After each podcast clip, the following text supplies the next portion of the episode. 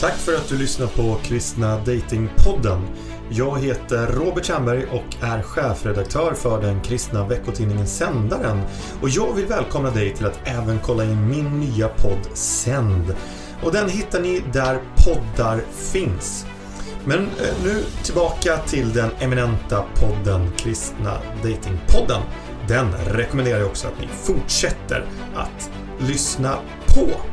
Och glöm inte att du också kan prenumerera på sändaren eh, och det gör du genom att klicka in på sandaren.se prenumerera.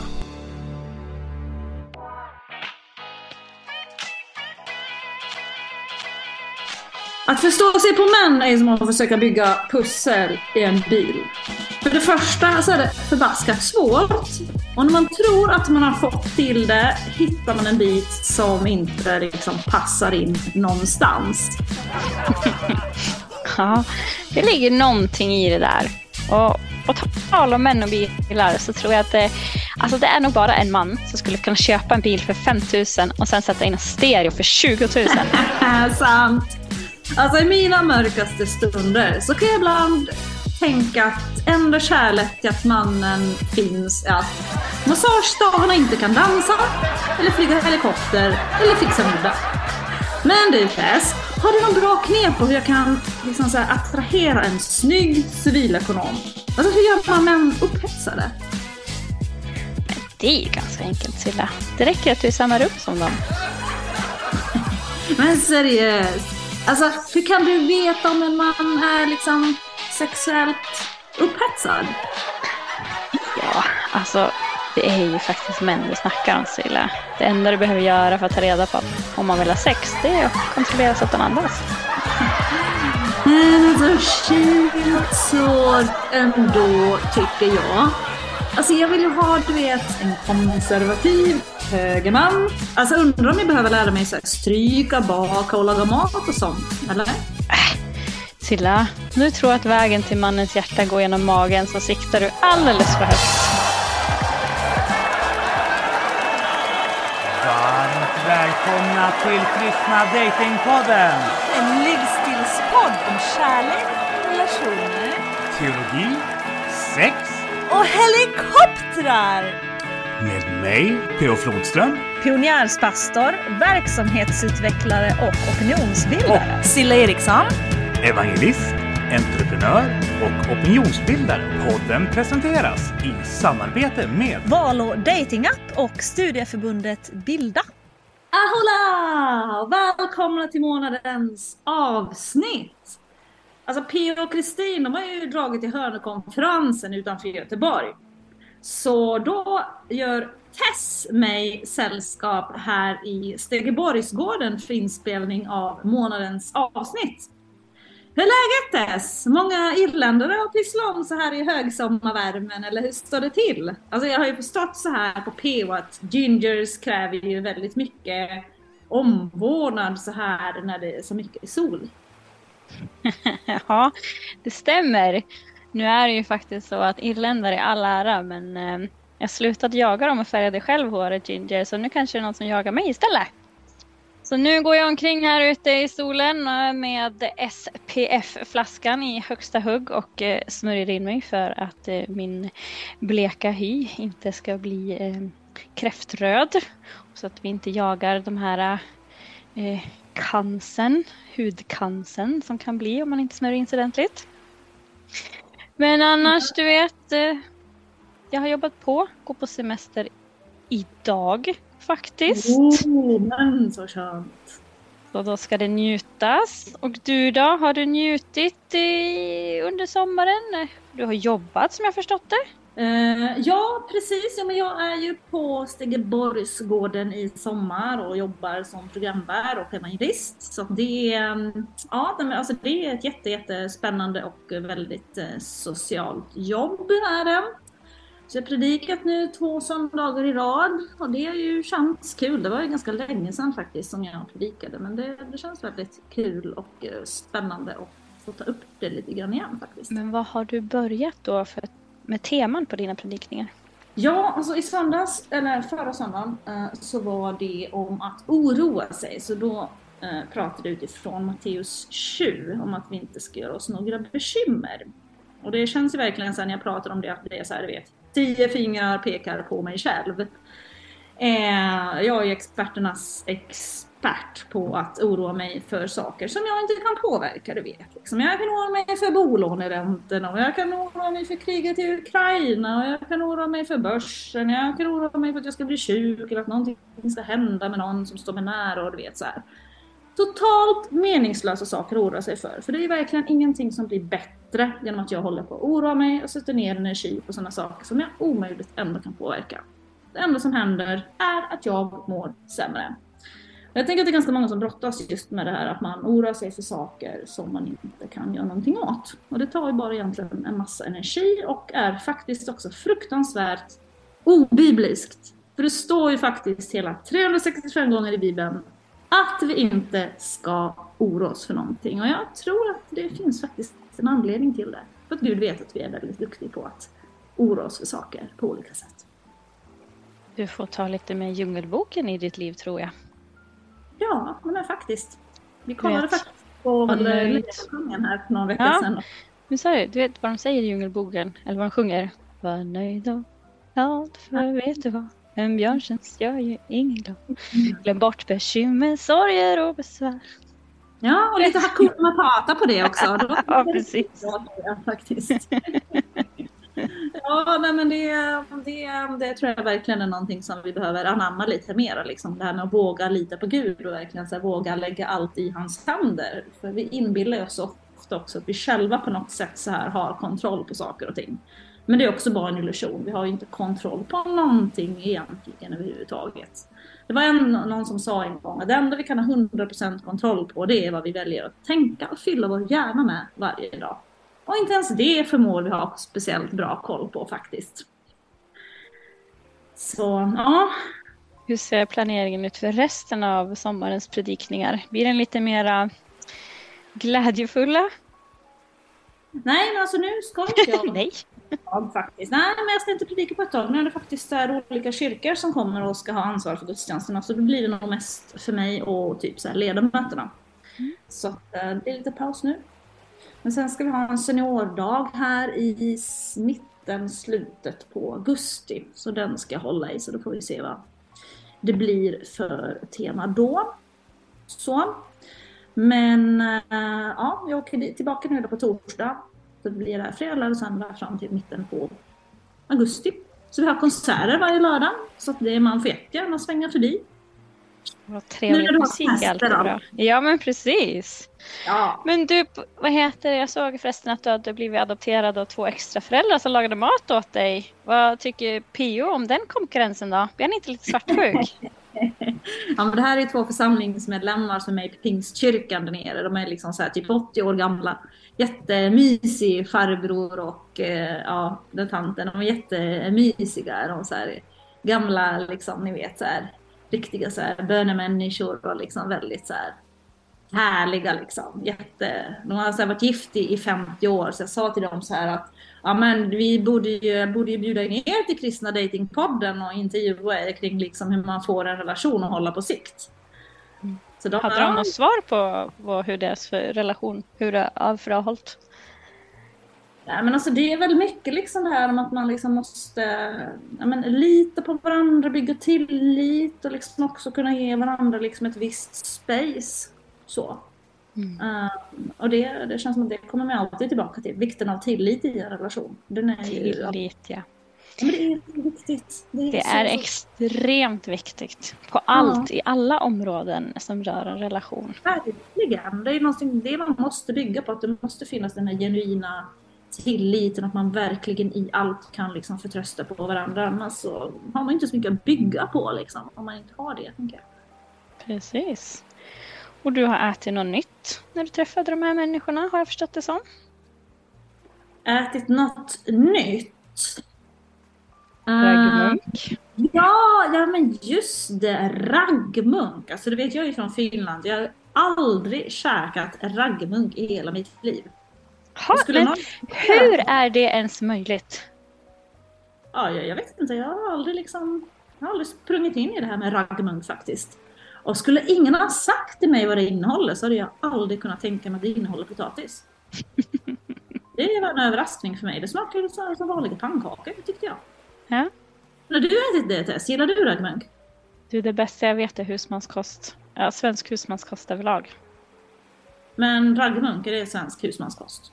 Jajamän, raggmunkar och fläsk med lingonsylt. Jaså? Aha. Mm, mm, mm. Vadå då? Det, det är fin, fina grejer det vet du. Oj, oj, oj. är alldeles- Rätt Tess, är din absoluta favoriträtt, vad är det? Ja, tyvärr så har jag inte en. Jag har ju alldeles för många. Men eh, åh, jag gillar ju och, eh, fläsk med potatis och löksås till exempel. Mm. Gott. Så, så har vi den här klassiska med pannbiff i löksås. Är det Mm. löksås så gillar jag det. Nej, Potatismos. Det mesta med potatis. Det är absolut. Alltså klyftpotatis tycker jag om. Mm. Det är gott. Potatismos äter jag inte så ofta men... Mm. Potatis. det som är så otroligt gott. Så kan man liksom Mm. eh, smälta smöret lite extra så man låter det koka lite extra för att få den här knäckiga smaken Mm. och så har man det i... Oj, oj, oj, oj, oj. Gott, gott, gott. Mm. Ja. Men du Tess, nu när du Mm. ändå är här så tänkte jag att du kan hjälpa mig med en sak. Ja, absolut Silla, vad kan jag stå till tjänst med? Jo, alltså jag och PO så håller vi på att skriva en sexnovell. Du vet, en katolsk präst och den oskuldsfulla frikyrkokvinnan eh, Emily. Eh, och det är så att den katolska prästen han ska ju då på en konferens för katolska eh, präster till Stockholm. Och då visar det sig att han ska då bo i Mälarhöjden på ett hotell. Och då råkar han ju bo granne med den här Emily då som visar honom hem när han har gått vilse en kväll. Och sen när, när hon ska följa honom till hans eh, hotell så hittar de en helikopter som står på en parkering och den bara står där och Emily är så överförtjust i helikoptrar. Så att hon går och springer fram till den helikoptern och är helt överförtjusande och då visar det sig att dörren är öppen till den här helikoptern. Eh, och eh, Emily hon är överförtjust så hon, eh, hon springer fram och liksom går in i den helikoptern då. Och eh, den här eh, katolska prästen är väldigt så här, man kan inte gå in i någon annans eh, helikopter. Men hon lyckas ju få in honom i helikoptern. Och så visar det faktiskt sig så här att innan han blev katolsk präst så jobbade han som helikopterpilot i försvaret. Tänka sig Silla. Ja, men, ehm, ja, men sen vet inte jag riktigt hur den här eh, sexnovellen då ska fortsätta. Ja, det här var ju intressant för Ja. Alltså Är det inte- sex och det ska bli en sexnovell. Ja, är inte det förbjudet för dem? Och dessutom en frikyrkotjej. Är det inte bara en liten mysnovell då? då? Mm, ja, alltså helt klart så är det ju en lucka i systemet väl att utforska i alla fall. Ja, alltså. Då måste jag ju fråga. Det känns ju väldigt lägligt det här med att du har börjat skriva mysnoveller, eller sexnoveller vad du vill kalla det, eh, om katolska präster samtidigt som du faktiskt har nyss fått en kalender med Italiens 12 snyggaste katolska präster.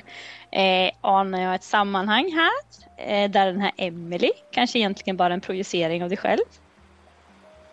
Eh, ja, men eh, så kan det vara. Jag har definitivt hämtat en viss del inspiration från den här väldigt förtjusande väggkalendern jag fick. Ja. Jag vet inte om det känns någon vits att försöka dejta någon som kanske inte tänker, eller som har vikt sitt liv och Gud som inte tänker ha sex. När Emily å sin sida är kanske inne på att gifta sig och skaffa familj. Det känns liksom lite som bortkastad tid. Men eh, om vi ska bli lite allvarliga så tänker jag att det är viktigt att påminna både oss själva och lyssnarna om att eh, sex och definitivt orgasmer är så mycket mer än bara en, eh, en penis i en vagina eller en eh, snopp i en snippa som det heter nu för tiden. Eh, du vet det här in och ut och sprut. Alltså, jag tror att det kan vara extra viktigt att prata om det här i en frikyrklig miljö där det funnits så mycket skuld och skam kopplat till just penetrationssex. Eh, att en del par behöver hitta andra vägar till beröring för att komma runt de här låsningarna. Ja, uh, absolut. Det tror jag definitivt. Jag håller definitivt uh, med dig om det. Samtidigt när det kommer då till den här katolska prästen så tänker jag så här att jag menar man kan ju alltid ändra sig. Ja men alltså det är ju så, du vet jag ändrar mig hela tiden när det kommer till saker. Det kan ju faktiskt bli så att han ändrar sig och inser att ja, men jag är ingen riktig katolsk präst. Kanske tillhör Svenska kyrkan istället. Ja, nej men alltså det är ju så också. Jag tänker att det kanske så, det ska bli den här novellen att ja, det, det slutar med att han liksom... Kärleken övervinner allt. Ja, exakt. Kärleken, lusten, attraktionen övervinner hans löften. Liksom. Och sen inser jag att han är ingen riktig katolsk präst. Mm. Gifter de sig, barn och så var sagan slut. Det låter ju mycket spännande. Jag ser fram emot att läsa den här novellen sen när ni är färdiga med den. Kanske med bilder så att vi som har lite svårt för att läsa kan eh, förstå innebörden av texten också. Mm, ja, exakt. Men Silla, eftersom du och jag har en liten tjejkväll så här vi har ju pratat lite om tillit och om sex. Eh, mm. vad sägs om att vi fokuserar på den kvinnliga orgasmen? Eh, kanske vid kvällens avsnitt så här. Så får Pio och Fritiof göra ett eget specialavsnitt sen när det, när det gäller karar och, och deras orgasmer. Um, du vet. Ja, det låter som en bra plan Tess. Ja men eller hur! Du och jag brukar ju ha bra, bra, bra planer så det var ja, inget. Ja. Mm. Men vad sägs om att du får ett eh, glorious quiz av mig innan vi går vidare med det här då? Det låter väldigt, väldigt eh, mm. bra tycker jag. Okej, okay. kan du lista vilka åtta erogena zoner som det finns på kvinnokroppen som kan få oss att komma? Oj, alltså det här är inte liksom, om jag ska vara helt ärlig, min specialitet nu. Men eh, jag kan tänka mig att liksom bröst, mage, rumpa, händer. Då har vi fyra. Öron kan jag tänka mig. Läppar. Kanske fötter. Fötter är ju mysigt. Sen får min sista bli nacken. Ja, det var väl väldigt bra jobbat. Är det någon poäng i alla fall. Eh, absolut, vi kan väl eh, gå igenom lite vad det faktiskt finns. Det finns ju faktiskt eh, ungefär åtta olika typer av orgasmer. Wow, och det är, inte, ja, det är inte alla som kan kopplas till stimulans av våra könsorgan. Då.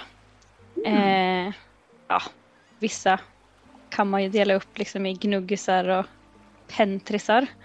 Eh. Men ska man förenkla så är det liksom basen att ta reda på som kille. Alltså det här tycker jag är väldigt eh, viktigt att veta oavsett liksom, om du har som partner. Mm. Man, måste, man måste helt enkelt sätta sig ner med sin partner och ta reda på vad föredrar din partner? Är det stimulans på själva klitoris eller någon annan form av penetrering eller beröring? Och samtidigt när, var, hur? För att alla är ju olika. Alltså det kan ju bero, bero på både dagshumöret och uh, känslan. Mm, ja, här är det kommunikation Tess. Jag tror att det mm. Är det som de flesta par liksom inte riktigt får till. Att man måste ju faktiskt så här, det är inte bara hoppa i säng utan man behöver liksom kommunicera kring det här också, hur man vill ha det. Och det tänker jag att många för dåliga på faktiskt, att ta den tiden. Ja, alltså det största eh, egentligen som man ska stimulera, det sitter ju mellan öronen. Mm, exakt. Precis, Mm. och det, det har vissa karlar har nog missat det, tror jag. Det tror jag också. Eh, men sen är det ju så här att man kan ju få orgasm på många olika sätt. Och huden, du har ju räknat upp väldigt många kroppsdelar här. Och då är ju det huden som är vår största erogena zon. Och eh, både faktiskt kvinnor och män kan få orgasm genom eh, beröring av andra delar på kroppen än, än själva könsorganet. Där. Mm. Och ett känt, lite oväntat ställe är ju faktiskt uppe i, i baksidan på män, i anus får man säga så. Eh, vi kvinnor har ju inte riktigt våran G-punkt där utan det är eh, männen som har fått lov att ha den där uppe. Roligt. Ja, det här har jag aldrig ens tänkt på om jag ska vara helt ärlig Tess, att män har en G-punkt där. Ja, jag tror att ni gjorde ett avsnitt med ehm, eh, Robban va? Som pratade om det här med analsex en gång i tiden. Där han, Robban, han har väl aldrig pratat med oss om analsex, det kan jag inte komma ihåg. Olof måste det ha varit i så fall. Olof, ja förlåt Olof. Det hade varit roligare om det varit Robban. Nej, inte Robban, jag har väldigt svårt att se honom. Nej. Vi har ju våran G-punkt uppe i snippan. Så det var modernt om man säga så. Mm. Ja, just det. Alltså, men vet du vad? Jag läste någonstans om att hudens erogena egenskaper ofta blir tydligare bland personer eh, som skadar underlivet eller drabbas typ av förlamning. Då blir det vanligare att få orgasm så här, på nya sätt eftersom den faktiska upphetsningen ju framförallt sker i våra huvuden. Även om det såklart kan eh, liksom, triggas av nerverna och då speciellt kring våra könsorgan. Stämmer det? Ja. Men så är det ju absolut. Alltså klitoris har ju tusentals olika nerver. Så att man måste ju vara väldigt försiktig där. Men som vi pratade om så den största eh, det största organet att stimulera är ju faktiskt hjärnan. Men eh, det kan ju vara en god poäng som vi nämnde att prata med sin partner och ta reda på vad den gillar. För att eh, det du gillar kanske inte jag gillar. Eh, vi är väldigt olika på många sätt. Och då är det ju vikten av tillit och våga experimentera. För att du ska våga experimentera och testa nya saker med din partner så måste det finnas en tillit. Eh, Man ska ju ändå kunna säga stopp, nej det här gillar inte jag. Eller eh, ja, vad ska jag ta för exempel? Man ska ändå känna sig bekväm med att kunna säga bit mig i öronsnibben eller nafsa mig i nacken eller slicka andra ställen. Men om du inte har den här tilliten då kommer du ju då kommer du få en låsning. Alltså du kommer inte få ut det hundraprocentiga eh, njutningen med din partner som du kanske annars skulle ha möjlighet till. Mm. Och eh, sen kan man ju liksom eskalera. Om man börjar med sådana här enkla saker eh, så kan man ju sen eventuellt då eskalera till piskorna och handbojorna om man skulle önska det istället för att börja med det. För att jag tror att om man börjar lägga fram piskor och handbojor och alla dessa leksaker direkt när du börjar dejta någon och säga att det här tror jag absolut att vi ska testa, då kan det ju bli också en låsning att oj, eh, den här är så väldigt mycket mer erfaren än mig. Hur ska det här gå? Eh, ska jag kunna säga nej nu när den här personen har varit så tydlig med vad den vill? Precis. Ehm, Det kan Men- bli lite, för mycket. Det ser man så här 50 shades, det var det lite gradvis också. Här. Att man alla ja, en gång liksom, då blir det lite too much. Om man inte är liksom båda på samma nivå innan. Och att man vet innan att båda gillar liksom ungefär samma saker. Ja, och jag tror det liksom att det är en eh, pornograferad liksom, nidbild att man ska kunna slänga fram allt det här i början och alla ska bara tycka om det helt enkelt. Och man ska dra i hår och eh, smiska på rumpan och, och alla ska gilla det och, och sådär. Men hur vi upp, uppväktar varandra och hur vi stimulerar varandra är ju ännu viktigare del att, eh, jag menar, att experimentera, förnya, utveckla eh, sitt sexliv med varandra. Ja men verkligen Tess. Alltså det är, jag skulle till exempel så kunna ha så här, eh, sex i missionären en hel kväll i en helikopter och det skulle fortfarande vara glorious efter typ så här, fyra timmar. Ja men det har du ju alldeles rätt i. Både liksom miljöer och kläder eller varför inte tonläge och retorik kan ju vara jätteviktiga ingredienser i ett förnyat sexliv. Ehm, hjärnan återkommer vi ju till att det är ju faktiskt en av de center som kan orsaka orgasm även utan beröring. Säg ja, då. men nu hör vi ju Tess här att eh, det innebär att våra fromma mysnoveller verkligen så kan komma till väldigt bra användning hos våra lyssnare här framöver. Jaha.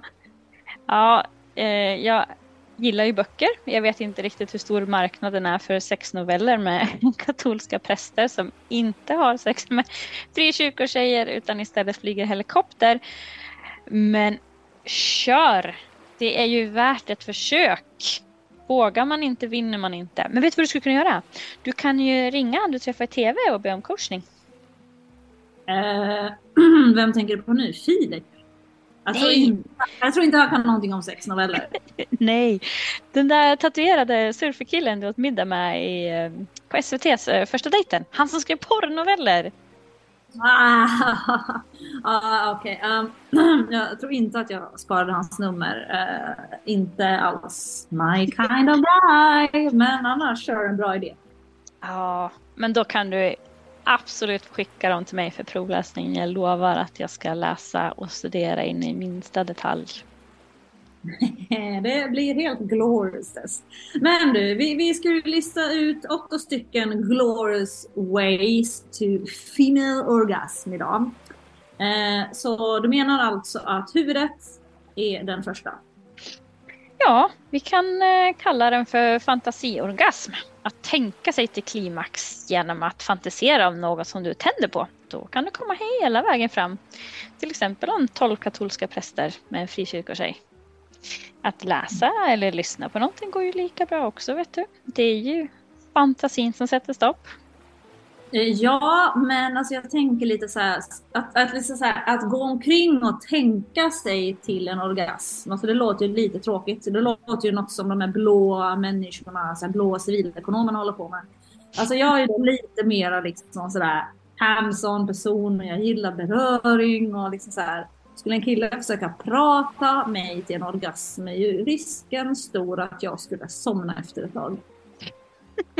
Ja, jag kan ju tro det. Eh, den absolut vanligaste är ju klitorisorgasmen. Då det finns ja, cirka 8000 nerver i klitoris. Vilket gör att det är den vanligaste och mest kändaste orgasmen. Um, önskar någon utforska sin egen kropp så vet jag att en del använder duschmunstycket. Uh, man kan ju in i vissa duschar ställa in intensitet och så med den. Eh, samt om det är något som vibrerar som man har hemma.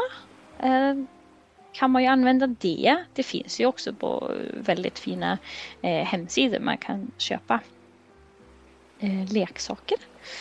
Eh, det är ju inte alla som gillar vibratorer på så sätt eller duschmunstycken. Vissa gillar ju att gnugga. Kommer ihåg vi pratade om gnuggisar och pe- penetres. Äh, jag kan inte ens säga det själv men. ehm, en vanlig kudde går ju bra och, och gnugga sig fram med där nere.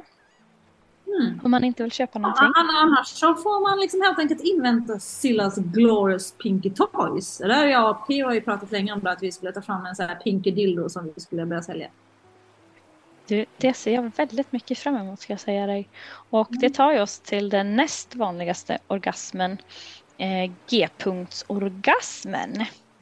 För på insidan av eh, vaginans övre sida så ska det området finnas. En vibrator eller om man har sina fingrar kan man komma åt den och eh, av den beröringen så kan man ju då få orgasm.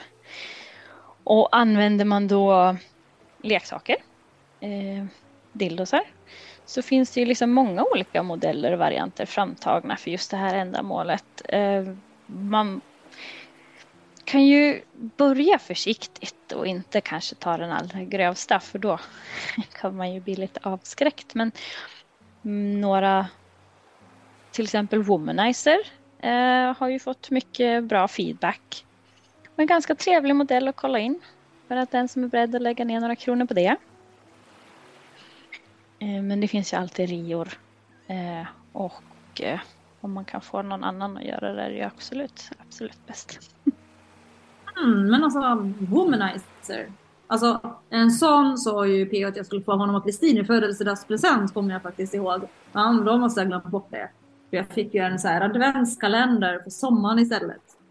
13 days of summer. ja, eller så hade inte Kristin fått lön från sitt nya jobb än, för de kostar ganska mycket. Så du får helt enkelt önska dig den i julklapp. ja, jag är lite osäker på det dock. Alltså typ så här, vadå, en sexleksak för över 2000 spänn. Men eh, den har i alla fall ett väldigt kul namn. Womanizer. Ja, men har njutning verkligen ett eh, pris då? Vad ska din eh, sexnovell kosta? Mm, ja, det är en väldigt, väldigt bra fråga Tess. Den måste man definitivt sätta en prislapp på. Det, jag pratar med P om det här, vad vi ska sätta för prislapp på vår exotiska sexnovell. Ja, eh, men de här womanizers, de är också ganska roliga om man gillar sånt. Eh, det är ju mycket som händer samtidigt. De är lite extra allt, alla sillar, du vet. En sån här moderat version av eh, The Rabbit. Mm -hmm. Fast eh, utan de här, ja det är inte de här alltså, blinkande lamporna och de här snurrande kulorna och sånt där. Eh, Pio frågade mig om hjälp en gång att köpa till Kristin och den ser ut som en prydnad. Du kan ha den i bokhyllan och ingen skulle kunna se att det är en vibrator. Det är som en modern art piece. Okej, okay, men det låter ju väldigt, väldigt spännande. Jag får helt enkelt um, googla på det här hör jag. Det låter ju onekligen som det är något som kan vara något för mig. Mm. Eh, vi kan ju absolut gå och kolla på en eh, speciell affär nästa gång jag är i Stockholm. Ja, det låter väl som en glorious idé faktiskt. Men du, alltså så här, vad, vad kallas en vanlig penetrationssexorgasm då om man får fråga? Ja, jag vet inte vad du kallar det men Kristin kallar det nog för PO. Nej men eh, vi kan ju kalla det för vad vi vill. Troligtvis ja. är det väl livmoderhalsorgasm som är vanligast. Det låter lite tråkigt kan jag själv tycka då. Det har jag aldrig hört talas om faktiskt. Livmoderhalsorgasm. Mm. Mm, precis, och det är den orgasm som uppstår vid djup penetrering eftersom livmoderhalsen då stimuleras. Mm. Så om man eh, träffar livmodern på ett väldigt skönt och trevligt sätt så utsöndras dessutom ett anknytningshormon, an, eh, säger PO i alla fall, att han har lärt sig på sina pastorstudier. Eh, han ja, det är, därför, det är därför då som man inte ska ha sex innan man gifter sig, för att då knyter man ju an på djupet mm. till den andra. Precis, han menar ju då på att hormonet gör att de knyter an till varandra. Partn, mm. frun och mannen. Eh, hur mycket faktakoll de har gjort inom biologin på de här teologiska seminarierna. Det låter jag Fritiof kolla upp på Flashback. ja, men alltså så här, ja, men det är väl klart att vi så här, knyter an till varandra när vi har sex. Alltså, allt annat vore väl väldigt, väldigt konstigt tycker jag. Så det är jag helt övertygad om. Även utan teologiskt seminarium. Uh, därför, alltså som jag vill undvika att ha sex med någon som inte är gift va? alltså det är verkligen mitt mål så. Eh, men det är så jobbigt att bli dumpad, så tänk hur mycket jobbigare det liksom skulle bli om man dessutom går omkring med en massa anknytningshormoner i kroppen. Mm. Absolut. Eh, jag tänker att till exempel två homosexuella också knyter an till varandra när de behagar varandra sexuellt. Eh, jag tror att det är lite osäkert på om det skulle vara något särskilt med just snoppen i snippan men eh, ja, för att gå vidare så är ju faktiskt anus också en erogen zon som kan orsaka analorgasm. Där har vi en till då. Och eh, analöppningen har ju också många nerver och stimulans av det området som gör att du kan få orgasm. Det är ju därför en del tjejer också gillar analsex. Men här vill jag också sätta upp ett stort men. Det finns massa saker som män kan göra med en kvinnas anus förutom att stoppa in sin penis där. Man kan smeka med fingret, använda tungan och sånt där i samband med oralsex. Det är mycket säkrare men man får, när man har sex oavsett så ska man ju tänka på hygienen där nere på eh, kvinnorna för att eh, man ska inte föra över så mycket bakterier från anus till vaginan för då kan det bli en del infektioner. Det är ju inte så jättetrevligt. Ja, men sen är det väl så här, alltså vi är ju inte gjorda för att ha analsex.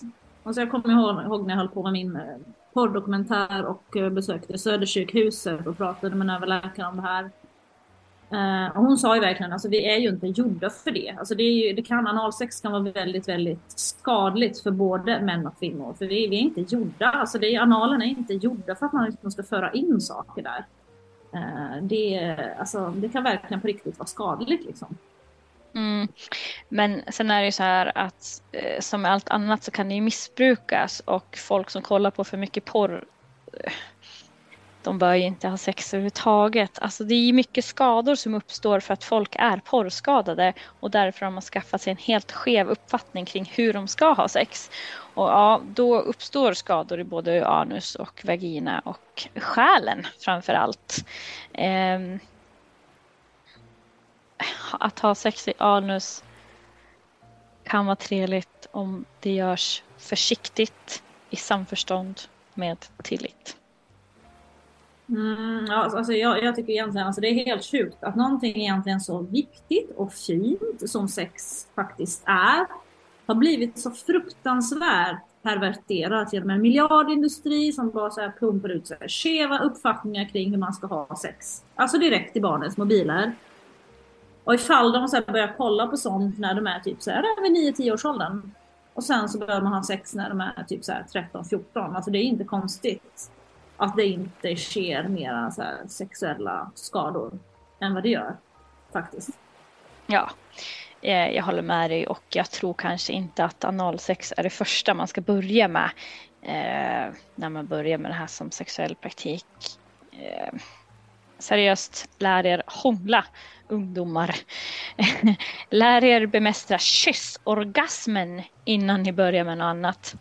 För faktiskt, läpparna är hundra gånger mer känsliga än våra fingertoppar. Så en kyss kan leda så långt som till klimax. Ja, och när ni är redo för second base så kan ni testa bröstvårdsorgasm alltså. Alltså brösten är en erogen zon, det känner ju väldigt många till. Men att det är fullt möjligt att uppnå orgasm genom att stimulera brösten och bröstvårtorna, det tror jag kanske inte att alla har koll på. Mm -hmm. Det ska säga det, det är riktigt trevligt om man kan få till det. Ska... Och man ska absolut inte underskatta advanced mys helt enkelt. Framförallt om man är ung så finns det ju gott om tid att utforska både sin egen och andras kroppar med tillstånd såklart. Man kan ju också få orgasm från andra erogena zoner. Många känner inte till det men det är ju fullt möjligt att få orgasm av beröring från andra delar som till exempel lår, mage, öron. Man måste ju bara lära känna sin kropp och vad som fungerar för en själv. Och sin partner såklart, man lär känna varandras kroppar. Om man lär sig bemästra light-mys och advanced mys innan man går vidare till extra allt mys så eh, ja, då blir det en söndag i sängen efter eh, bönerna. Men sen har jag också en lite mer progressiv syn på det här med eh, ja, penetrationssex än vad du kanske har Silla. Jag eh, tycker att om båda känner sig redo och verkligen vill så är det ingen fara att ha sex. Såvida man har ansvar eller tar sitt ansvar, skyddar sig, eh, tillit till varandra, lyssnar på varandra, respekt helt enkelt.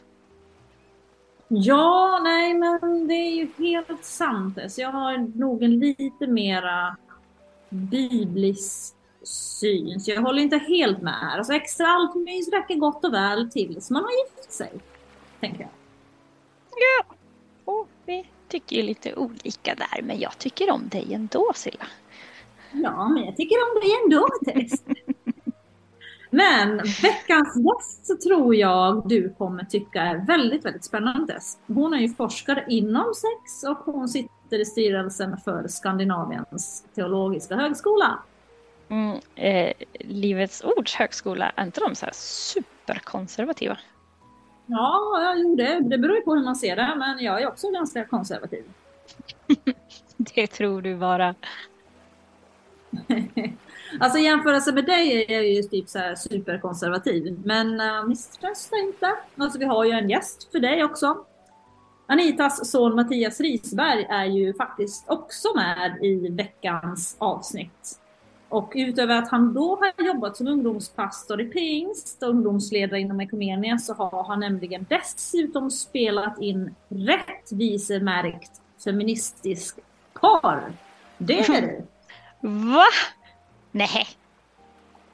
Yes, så veckans gäster är alltså mor och son. Anita och Mattias Risberg som kommer att prata vidare på månadens tema. Sex, orgasmer och samlevnad. Nej men hej och hå! Mor och son Risberg alltså. Ja, då måste jag nog svalka mig med månadens låt innan vi tar oss an det här. ja, det gör du helt rätt i. För det blir en liten sommarsenerad från en av våra husartister, nämligen Mats Dernand med sin nya låt Liar.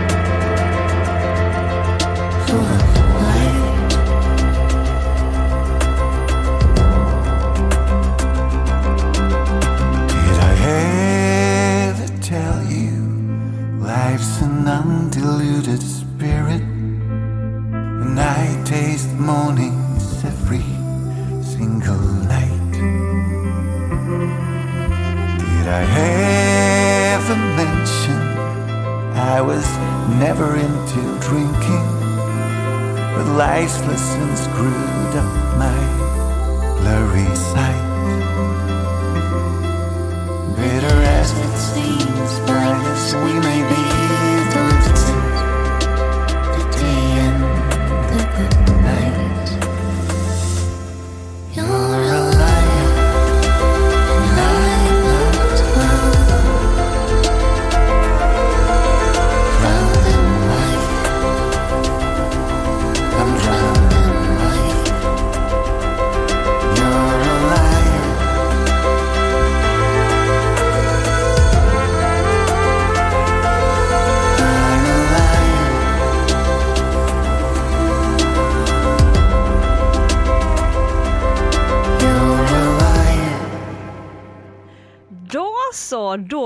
Jag varmt välkommen till Anita och Mattias som faktiskt är mor och son med bakgrund inom trosrörelsen och EFS. Och vi ska ju prata idag om ett av mina absoluta favoritämnen. Sex! Och eh, kanske lite mer specifikt om hur vi kan prata med våra barn och våra ungdomar om just eh, det som har med sex att göra. Så varmt välkomna hörni, jättespännande och roligt att eh, få ha er här. Tack så mycket. Tack. Ja. Eh, Jag är konstnär och pappa, bor i Nederländerna och eh, jobbar på café, är pappa men också intresserad av intimitetsfrågor. Så jag har startat något som heter Intimitetskliniken med min partner här i Nederländerna och jag är pappa på deltid. Så det är väl det som är liksom livets mening för mig. Pappa och intimitetsreflekterande filosof. Ja, Anita? ja. jag är mamma till Mattias då som ni sa och han, är, vi, han har fyra syskon.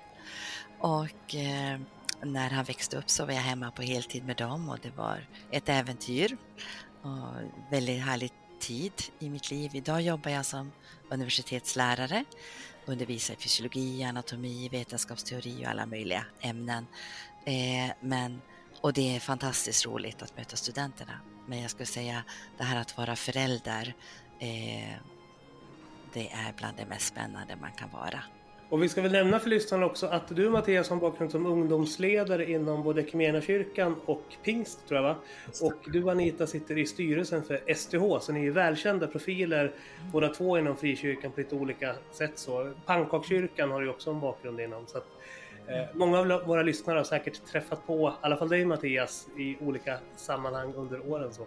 Eh, men eh, ni är ju egentligen här idag för att prata om hur man som förälder ska prata med sina barn om kärlek, sex och relationer. Men vi kan ju inte, vi kan ju inte liksom missa den här chansen att passa på att fråga dig Anita om du har några tankar kring den ökända frikyrkoutbrändheten. För du är ju faktiskt forskare inom det här området just kring stress, återhämtning och hälsa. Och det här är ju ett välkänt fenomen som våran rörelse har brottats med i många år.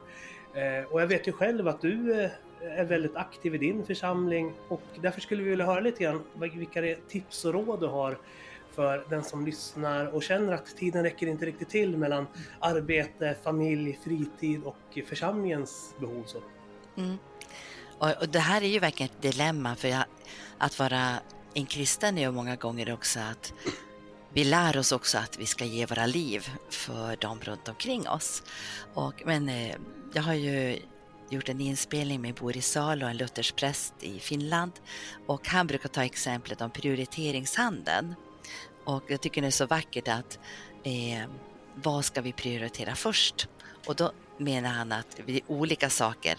En del kanske tycker det är viktigast att tjäna pengar, men som en kristen så är det lätt att vi i alla fall borde sätta Gud först. Så tummen är första prioritering är att vi har en bra relation till Gud senare Sen är det till sin partner, sen till barnen, sen att sköta och förvalta arbetet och sen församlingen. Och det här kan ju låta konstigt i mångas öron, eh, men vi kan förlora våra barn annars också om vi sätter församlingen före, före barnen till exempel. Vilket kan vara svårt när man jobbar i församling.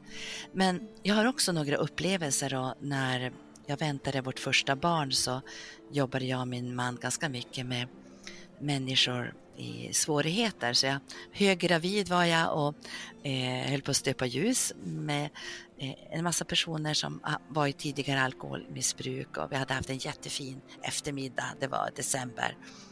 Och eh, när de sen hade gått hem så satte jag mig ner och så sa jag till Gud så här, oh, det finns så mycket behov, jag räcker inte till. Alltså det var riktigt så här djupet av mitt hjärta. Eh, men då fick jag ett tilltal eh, från den heliga Ande som sa, de jag lägger på ditt hjärta, de är det du ska alltså prioritera. Och det har varit sån vägledning för mig. Och jag tänker, ibland också från predikstol så läggs det ju på folk, nu måste vi göra det här, ska vi göra det här. Och då får vi, i det tror jag det är viktigt att vi tar ett eget ansvar. Vad är mitt uppdrag? Vad är det jag ska göra? Så, att, så det är inte enkelt, men eh, och så är det någonting som slarvas, slarvas med mycket i kristenheten ska jag säga. Det är att inte ta en vilodag. Mm. En lat dag, eller alltså förstå mig rätt, alltså i lat i svenskt och nordiskt perspektiv. Men en dag när vi ja, verkligen tar igen oss. Jag och Mattias, vi reste ju och backpackade i Israel. Jag tror det var det år du fyllde 20 va? Ja, det stämmer. Mm. Och då är du så frimodig. Du frågade ju en kvinna i Safed eh, där många ortodoxa judar lever. Vi träffade en judinna då på gatan och Mattias frågade så här spontant, vad betyder sabbaten för dig? Och hon bara strålade. Det är bästa dagen på veckan. Och, och då jag tillsammans med Gud, min man, alltså släkt och vänner. Och tänk om, man hör ju väldigt sällan sånt eh, i, bland kristna tycker jag i Sverige idag. Mm. Ja, men det tror jag är jätte, jätteviktigt. Det ser jag som är nere i Frankrike också. Jag älskar den franska kulturen. Och här är det lite mera av en liksom, skulle jag säga, livsbejakande liksom, kultur. Man, är liksom, man har den här liksom, livsnjutarfilosofin på ett annat sätt. Man tar sig tid för människor, man tar sig tid för relationer. Man, det är liksom trerättersmiddagar på kvällarna, man sitter timmar tillsammans och jag gillar det. Liksom. Jag har på något vis liksom lite tröttnat på den här liksom, svenska mentaliteten. Man ska liksom vara på topp på alla plan i livet, man ska vara högpresterande på alla plan. Och jag känner lite, men jag orkar inte det där. Jag känner mig lite utbränd faktiskt på det där. Liksom. Så därför Mm. tycker jag att det är jätteskönt att få vara här. För att det blir liksom, det förväntas andra saker. Det är en annan kultur på det sättet här tror jag.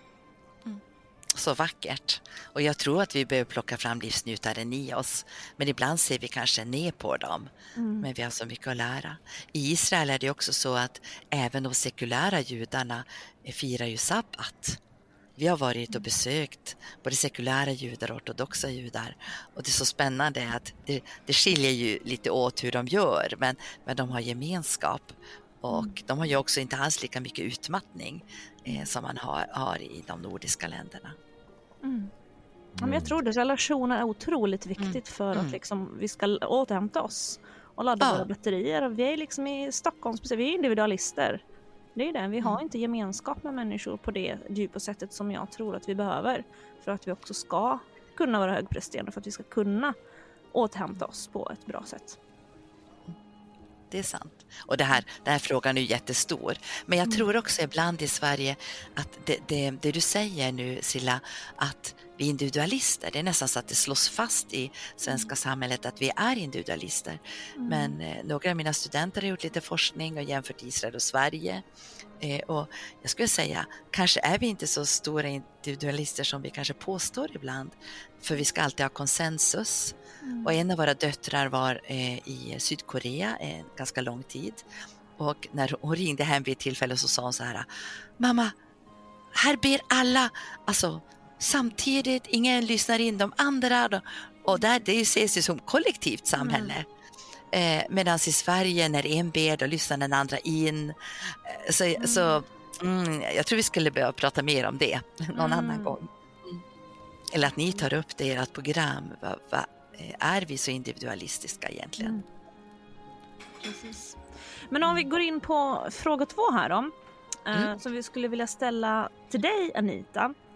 Mm. En föreläsning som vi såg att du hade på Skandi- Skandinaviens teologiska högskola där du menade att vår sexualitet i viss mån är en social konstruktion eh, som kan förändras över tid.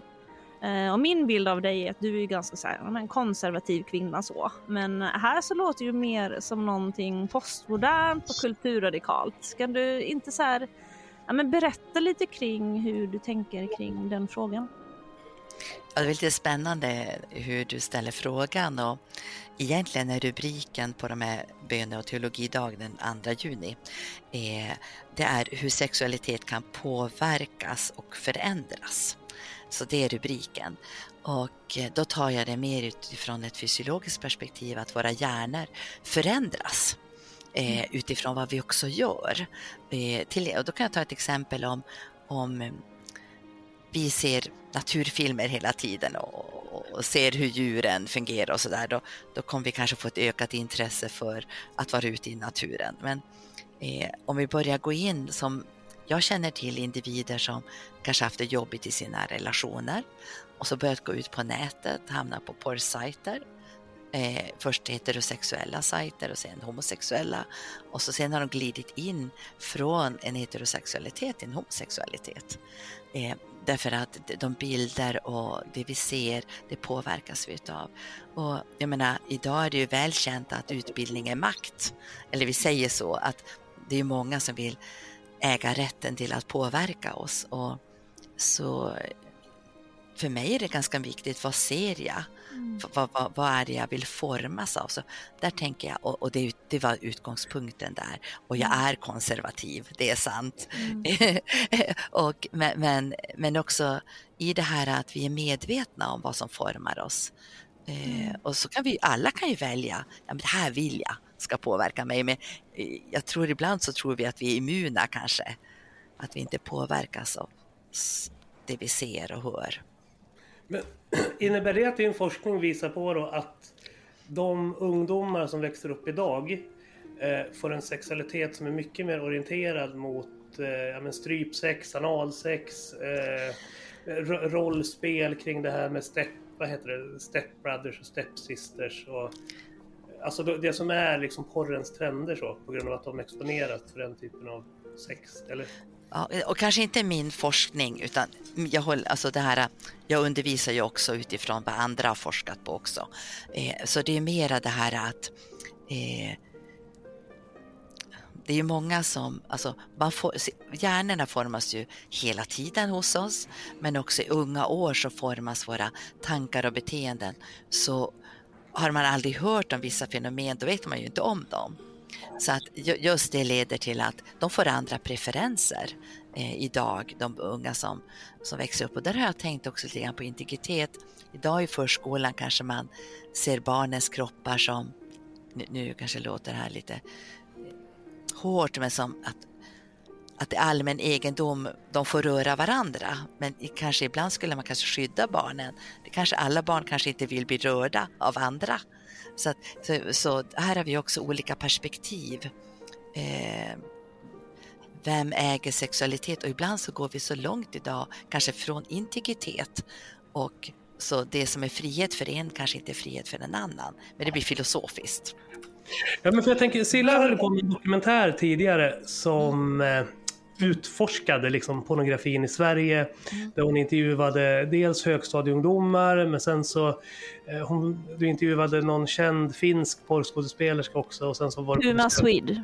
Ja, Puma Swede hon. Och sen så besökte du ett sjukhus också där du träffade sjukvårdspersonal som vittnade om att eh, ungdomar har sex på ett mycket hårdare mm. sätt idag så än, än vad man har haft tidigare.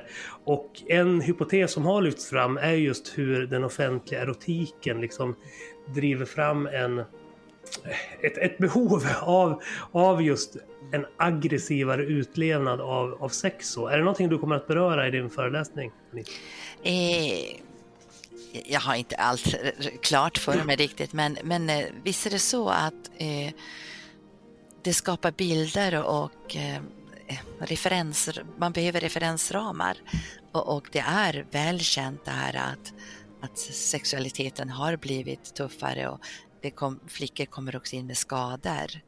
Eh, så att visst är det så. Och, eh, så, så vem målar bilden? Jag tänker, det kristna budskapet så här, eh, som står i Ordspråksboken, eh, vänd den unge vid den väg den ska gå. Eh, att eh, på något vis, eh, ibland så är det så att genom åren så har jag ibland fått frågor att komma till sjätteklassare och tala om eh, fortplantningsorganen och sexualitet. Och det brukar vara jättespännande, det brukar vara alldeles tyst i klassen. Eh, och då, då kommer det en del frågor från, de brukar få skriva frågor eh, och jag brukar plocka upp någon av de där frågorna. Då är det, man blir förvånad över de frågor de ibland ställer. Och, och då är det ju där, måste jag ha sex om någon frågar? Alltså, kan vara då bland, bland en del, alltså som någon har skrivit. Så att och, så jag tror att vi kan, man skulle nog behöva prata om det lite mera och, och behöver jag gå med på vad som helst? Alltså, mm. hur, hur, och här kommer det tillbaka till, vem är jag? Hur viktig och dyrbar är jag? Vilken bild har jag på mig själv? Mm. Och vi vet idag att eh, de som växer upp i områden som är fattigare, alltså de har sex, tidigare sexualdebut i Stockholms innerstad där det är någonting kring 20 alltså i rika familjer. Och det här är ju också en jätteintressant frågeställning tycker jag. Mm. Så att de som kanske har en har det, alltså bättre ekonomi kanske också intalas om att vara mer rädd, rädda om sig själva i klassisk bemärkelse. Mm. Mm. Eller att de ja, är viktiga. Mm. mm. Absolut. Nej, men det är ju superviktiga saker att prata med definitivt. Men jag tyckte det du sa om att vad vi väljer att liksom fylla oss med och vad vi väljer att mata oss själva med, att det också är väldigt, väldigt viktigt och att det faktiskt i väldigt stor utsträckning påverkar oss. Och det är ju egentligen allt vad vi väljer att titta på, all mm. information vi väljer att ta till oss och fylla oss med. Liksom, det påverkar ju vårt liv på mm. olika sätt. Så är det saker och ting som vi liksom inte vill ha i våra liv som är destruktiva så kanske vi har saker och ting som vi fyller oss med som är destruktiva. Som vi kanske då behöver göra ett medvetet val att ja, men det här kanske jag inte ska fylla mig med för att det, det leder bara till destruktiva saker i mitt liv. Så det, där tror jag att man ska fundera ordentligt igenom faktiskt. Och det är faktiskt så här, precis som att om man dricker alkohol så kan man behöva dricka mer över livet, alltså åren för att få samma tillfredsställelse. Och det är lite grann så med sex också, att, att du, du kan om du matar det med mer och mer behöva också, eh, vad ska jag säga, matas med, alltså din inställning också till det är av betydelse, hur du ser på det. Mm. Jag tänkte, det kanske kan vara kul att ställa en följdfråga till Mattias där, för du har ju tidigare i alla fall varit engagerad i frågan kring det här med rättvisemärkt och feministisk erotik som en motvikt mot kommersiell eh, erotik. Eh, utifrån det Anita eh, pratar om, finns det en koppling där utifrån ditt synsätt så? Jag kommer väl från en helt annan vinkel i, i allt det här. Um, för det första vill, vill jag prata om samtycket först, som jag tycker är en som grundpelare när det gäller fysisk beröring eller mänskligt bemötande som, som generellt inte lärs ut i samhället. Alltså samtycke, att känna av sina, vad ett ja, vad ett nej för mig själv. Eh, så jag ska säga, ja, jag har varit en del av den feministiska eller jämställdhet eller den reflekterande erotiken som faktiskt eh, mm men menar ja, du då att det faktiskt finns ett pornografiberoende? För det där har ju omdiskuterats ganska mycket huruvida man faktiskt kan bli beroende av pornografi eller inte. Sorry, jag har gjort, jag har gjort sådana filmer, ja, men då, då har det varit lite på kvinnornas, vet du, kvinnodagen och sådär. Och då har det liksom varit eh, filmer eller musik och sånt som är liksom eh, det är mer sensualism, jag, kanske, jag skulle inte kalla det porr, eh, utan det är mer sensualistiska filmer. Där det handlar om beröring. Eh, så det är inte... Porr är ju för att upphetsa någon. Eller, pornografi eller pornea är ju liksom att man ska liksom bli kåt av att se på filmen. Men de filmer som jag gör är så konstnärligt lagda. Och mer, det är mer fokus på känslorna. Um, så jag har aldrig liksom lyckats att skapa porr utan det jag skapat är mer sinnlighet, närvaro och jag tror det är det som är också när vi pratar om vad vi programmeras av. Liksom, ser man på Titanic liksom, när han sitter och målar henne och de har liksom blicken för varandra. Eller liksom Spiderman när han hänger upp och ner och liksom Kate Watson och kysser varandra. Sådana bilder formar ju också liksom intimitet och liksom sinnelighet.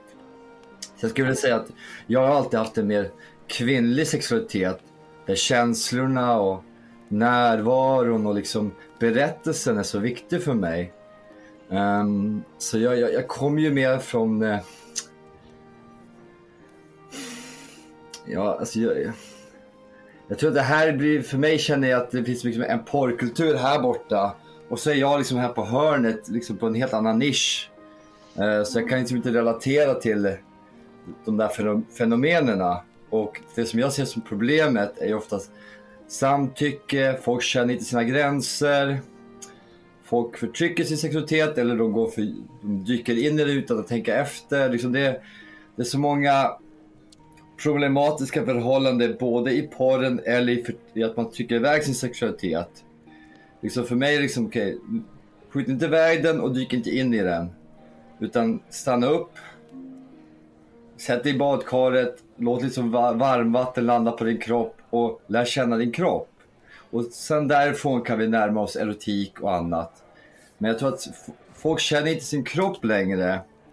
Jag tror att det är det som har lett mig att, liksom, att utforska tro, sexual, eller sensualism. För jag kommer ihåg när jag hade andliga möten med Gud, då var jag också i kroppen. Det är inte sexuella upplevelser, men det är förkroppsligade upplevelser. Och jag tror just när vi, att vi är kroppsliga varelser. Um, jag tror att det är det som gör att, att vi kan känna vad som är bra för oss och vad som är dåligt för oss. Och där har jag liksom fått många grunder från mina föräldrar, liksom, att, att, att känna mina ja och mina nej. Liksom. Uh, jag är tacksam över den kristna bakgrunden så, att, att med EFS som är ganska reflekterande, jag har liksom lärt känna vad, vad mår jag bra av, vad mår jag inte bra av. Och sen så har jag tagit med det då i mitt, min fascination av mötet mellan kvinna och man. Liksom det här intimitetslängtan som vi har, eh, eller intimitetstörst som jag tycker är mer intressant. Så att, eh, när ni pratar om porr, då känns det som att okej, okay, det är där borta i horisonten någonstans. Och det jag pratar om är liksom intimitet, närhet, samtycke. Sen gör jag ju konst runt det. Men det är ju en, det är en helt annan sort. Och den har ju liksom, som Fairtrade, då har man liksom vissa standards för att det ska vara liksom, vara bra produkt liksom. Och sen har man liksom, finns ju slaveriprodukter och det, det är ju inget som någon naturligt är för, men det finns mycket av det. Och så att för mig är ju frågan, hur hjälper vi ungdomarna? Hur hjälper vi oss själva att känna våra ja, att känna våra nej liksom? Och, och det, den frågan tycker jag är intressantare och porr eller inte porr för mig är liksom en, en icke-fråga. För känner man sig själv, då börjar man ju också känna vad man mår bra av och inte mår bra av. Um, och så har jag också studerat många kristna män och kvinnor runt mig. Att när de förtrycker sin sexualitet så blir den också grövre i vad de kollar på. Så det är också en balans där också att, att förtrycker man då blir det värre.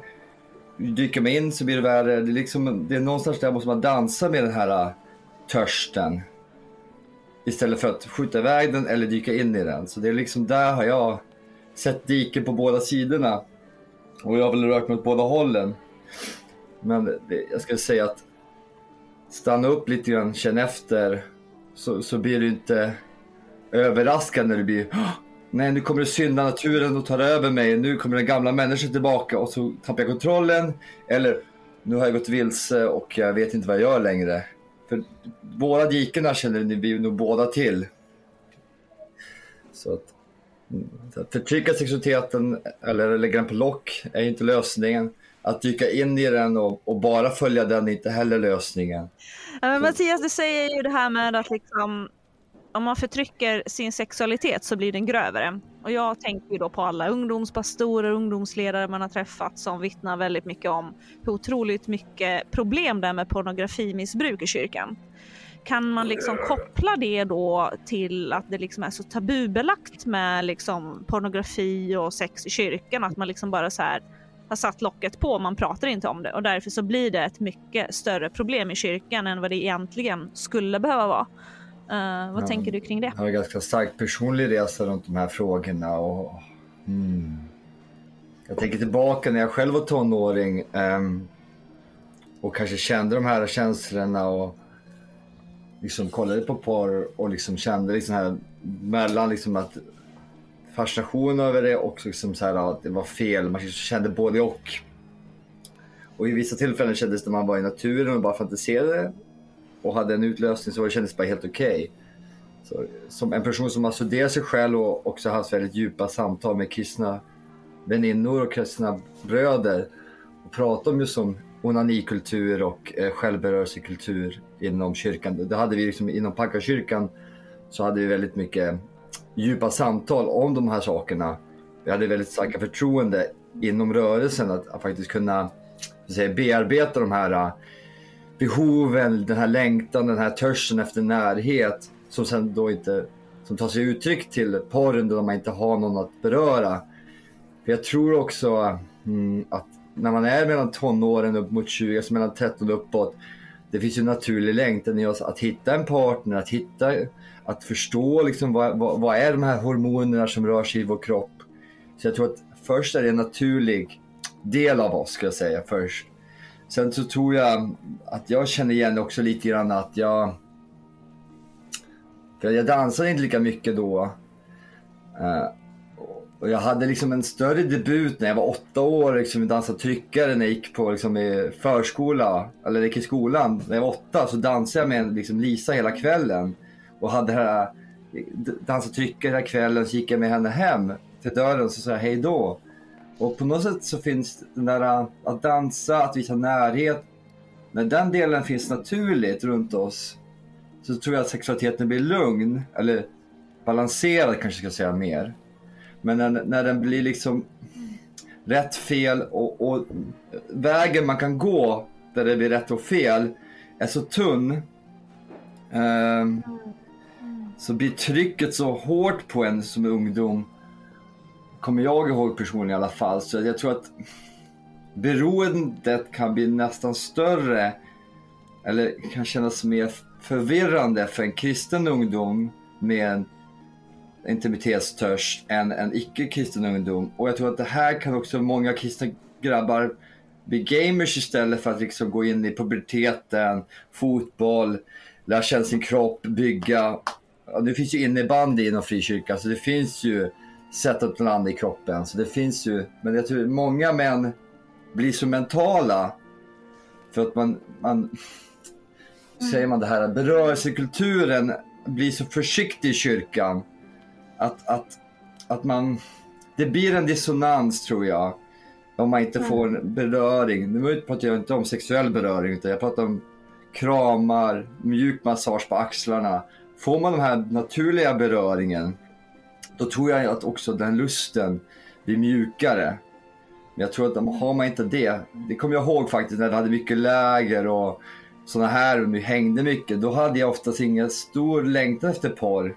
Men det var en period av större ensamhet då porren växte i mig. Så för min personliga reflektion ska jag säga, får man tillräckligt mycket fysisk beröring så då, då, då går porr, eller intimitetstörsten via porren ner.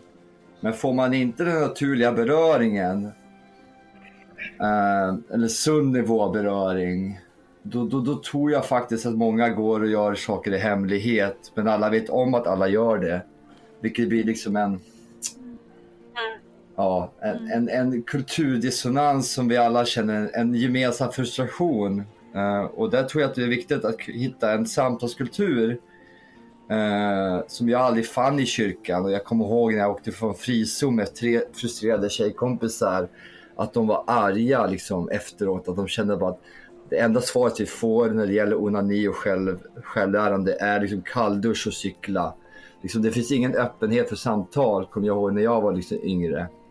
Och jag tror att det Ja, jag tror att det här är ett av mitt, mitt egna inre dilemma också när det gäller min kyrkliga tillhörighet och inte tillhörighet. Att när man inte känner sig trygg att prata om sådana här saker, då blir man också förvirrad med sin tro. För man känner att det här är ett viktigt ämne, men min tro är också viktigt. Så att jag... Nu känner jag att kyrkan är mer öppen idag, men jag tror det här är en av mina sorgeämnen, att jag aldrig känner mig riktigt trygg. Att öppet prata om det. Jag fick alltid liksom gå med André till bastun eller det, och när det blir för mycket om och men för att kunna ha ärliga samtal, det sliter det på psyket kommer jag ihåg. Men sen så, nu vill inte jag säga att kyrkan är dålig, utan jag säger bara att att lägga på locket på gör inte att det blir lättare. Utan, eh, ja. Så jag har inget svar här, jag har bara en delad reflektion över att jag kan förstå frustrationen i tonårsflickorna, männen. För jag vet också att många kvinnor onanerar idag också. Det var något jag tog reda på när jag var yngre. Ja, att det var ganska vanligt också Man kristna kvinnliga ungdomar också. Eh, så det är väl det är ett viktigt ämne att, att lyfta och, och hur, hur kan vi hitta sund beröring tror jag är viktigare. Hur kan vi ha en bra kramkultur och läsa, läsa av varandras kroppar. Mm. Kanske göra samtyckesövningar, liksom lätta samtyckesövningar. Liksom att, att röra varandras händer med, på ett behagligt sätt. Men att hålla det på den nivån tror jag skulle vara fint för kyrkan. Att ha, ha kroppsövningar som är sunda tror jag skulle vara intressant att se i kyrkan mer tror jag. Ja, nej men jag tror beröring är jätteviktigt som du säger. Och nu är ju inte jag uppvuxen i kyrkan eh, så att jag, jag vet liksom inte riktigt det här hur, hur man har sett på alla de här sakerna. Men menar du då liksom så här generellt att eh, onani, att man, man får den undervisningen att onani är ingenting man ska hålla på med som kristen? Vi säger så här att det rådet man får är liksom som jag upplevde att jag fick. Det är inte fel att onanera. Men sen är det liksom eh, det, och det är fel att kolla på, det är, det är fel att, det är rätt, det är okej att onanera men det är fel att kolla på porr. Och då blir det så här okej. Okej, då har vi de här två. Vi har, porr är fel, röra mig själv är okej. Okej, okay. ska varför ska jag röra mig själv? För jag vill ju fantisera. Så det blir en sån här... jag vet inte hur jag ska säga det här på ett bra sätt. Alltså jag, jag diskuterade med min mamma till att jag fick liksom fantisera om mentala bilder, vilket jag lärde mig. Så jag tror att här, här tror jag att det finns mycket att, att, reflektera och hitta sunda förebilder, liksom erotisk poesi kanske. Um, läsa böcker kanske. Alltså det finns ju mycket mer när det gäller intimitet och närhet än porren. Det finns ju erotiska böcker, det finns liksom jujutsu, det finns liksom andra sätt att, att, att hamna i beröring som är sunda, tänker jag. Och det är väl det som är kanske intressantare. Hur får vi den här beröringen, hur får vi intimitet som faktiskt är sundare varianter? Är det att rida häst, att känna att vi liksom kopplar med vår kropp? Um, Mm, mm. Och där tänker jag att mäns och kvinnors sexualitet också kanske tar sig olika uttryck. Och att kvinnors, ja, nu vet jag inte, jag spekulerar lite grann nu, men jag tänker att kvinnors sätt att uttrycka sin sexualitet kanske många gånger är sundare än en mans. Jag tror ju att kvinnor i, i, i liksom lägre utsträckning konsumerar pornografi än vad män gör. Jag tr- skulle tro att det kanske är vanligare bland kvinnor att man konsumerar ja, men, sexnoveller till exempel och sånt.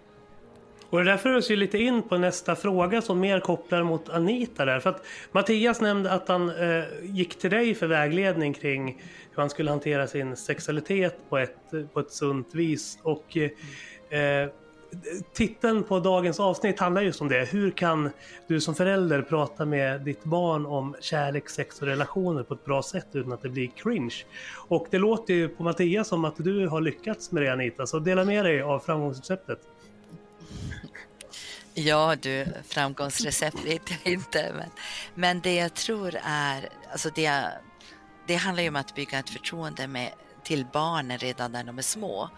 Eh, så att barnen känner att de inte blir kränkta om de kommer till en med en fråga. Sen är ju föräldraskap väldigt komplext och jag menar, barnen är en del av oss. att Gör de någonting som kanske inte vi tycker är så sunt eller bra så kanske vi skäms eller det känns inte bra för oss. Så därför tror jag också att det här är så laddat område. Men, men vi har haft öppna samtal och redan när barnen våra var små så jobbade jag, jag och min man ganska mycket med att det byggde på deras frågor. Att vi inte försökte pådyvla dem saker och ting. Eh, men däremot så var ni med ibland när vi hade undervisning och så. Så ni fick ju det, både höra oss ibland när vi kanske undervisade på en relationsdag eller sådär. Men, eh, men sen samtalar vi om det rent allmänt ibland hemma eller med vänner och sådär. Eh, men när det kommer till det personliga så, så byggde det ju på att ni hade frågor. Och eh, det här är ju jättesvåra frågor egentligen att prata om.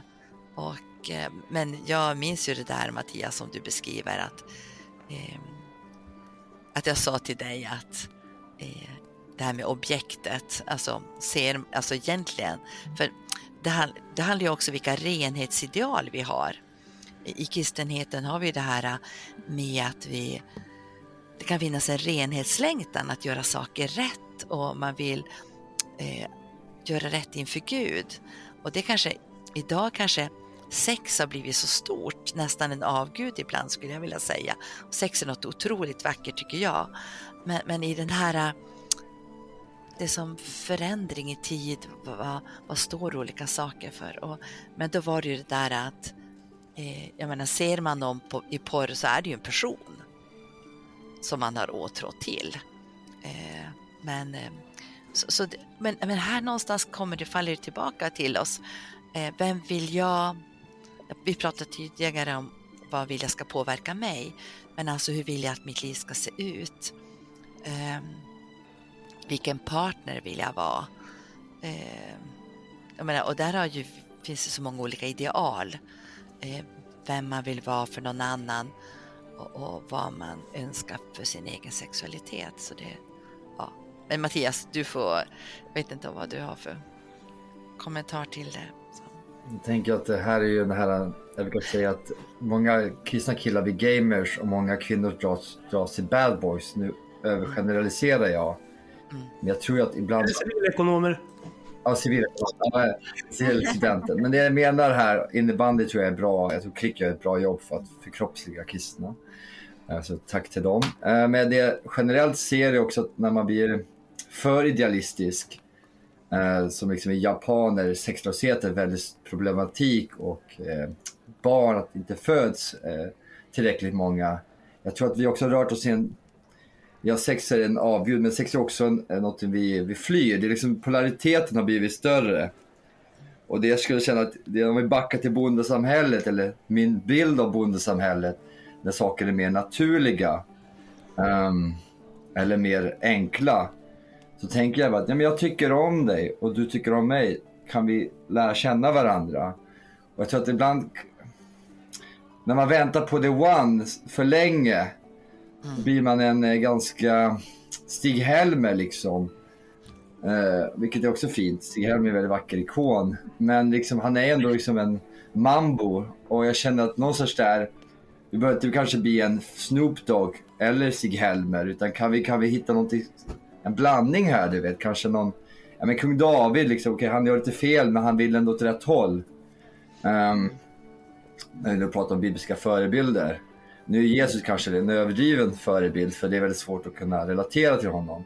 Men liksom hur han bemöter kvinnor. Han ser dem i ögonen, liksom, han låter dem beröra honom och han berör dem. Men med väldigt närvaro.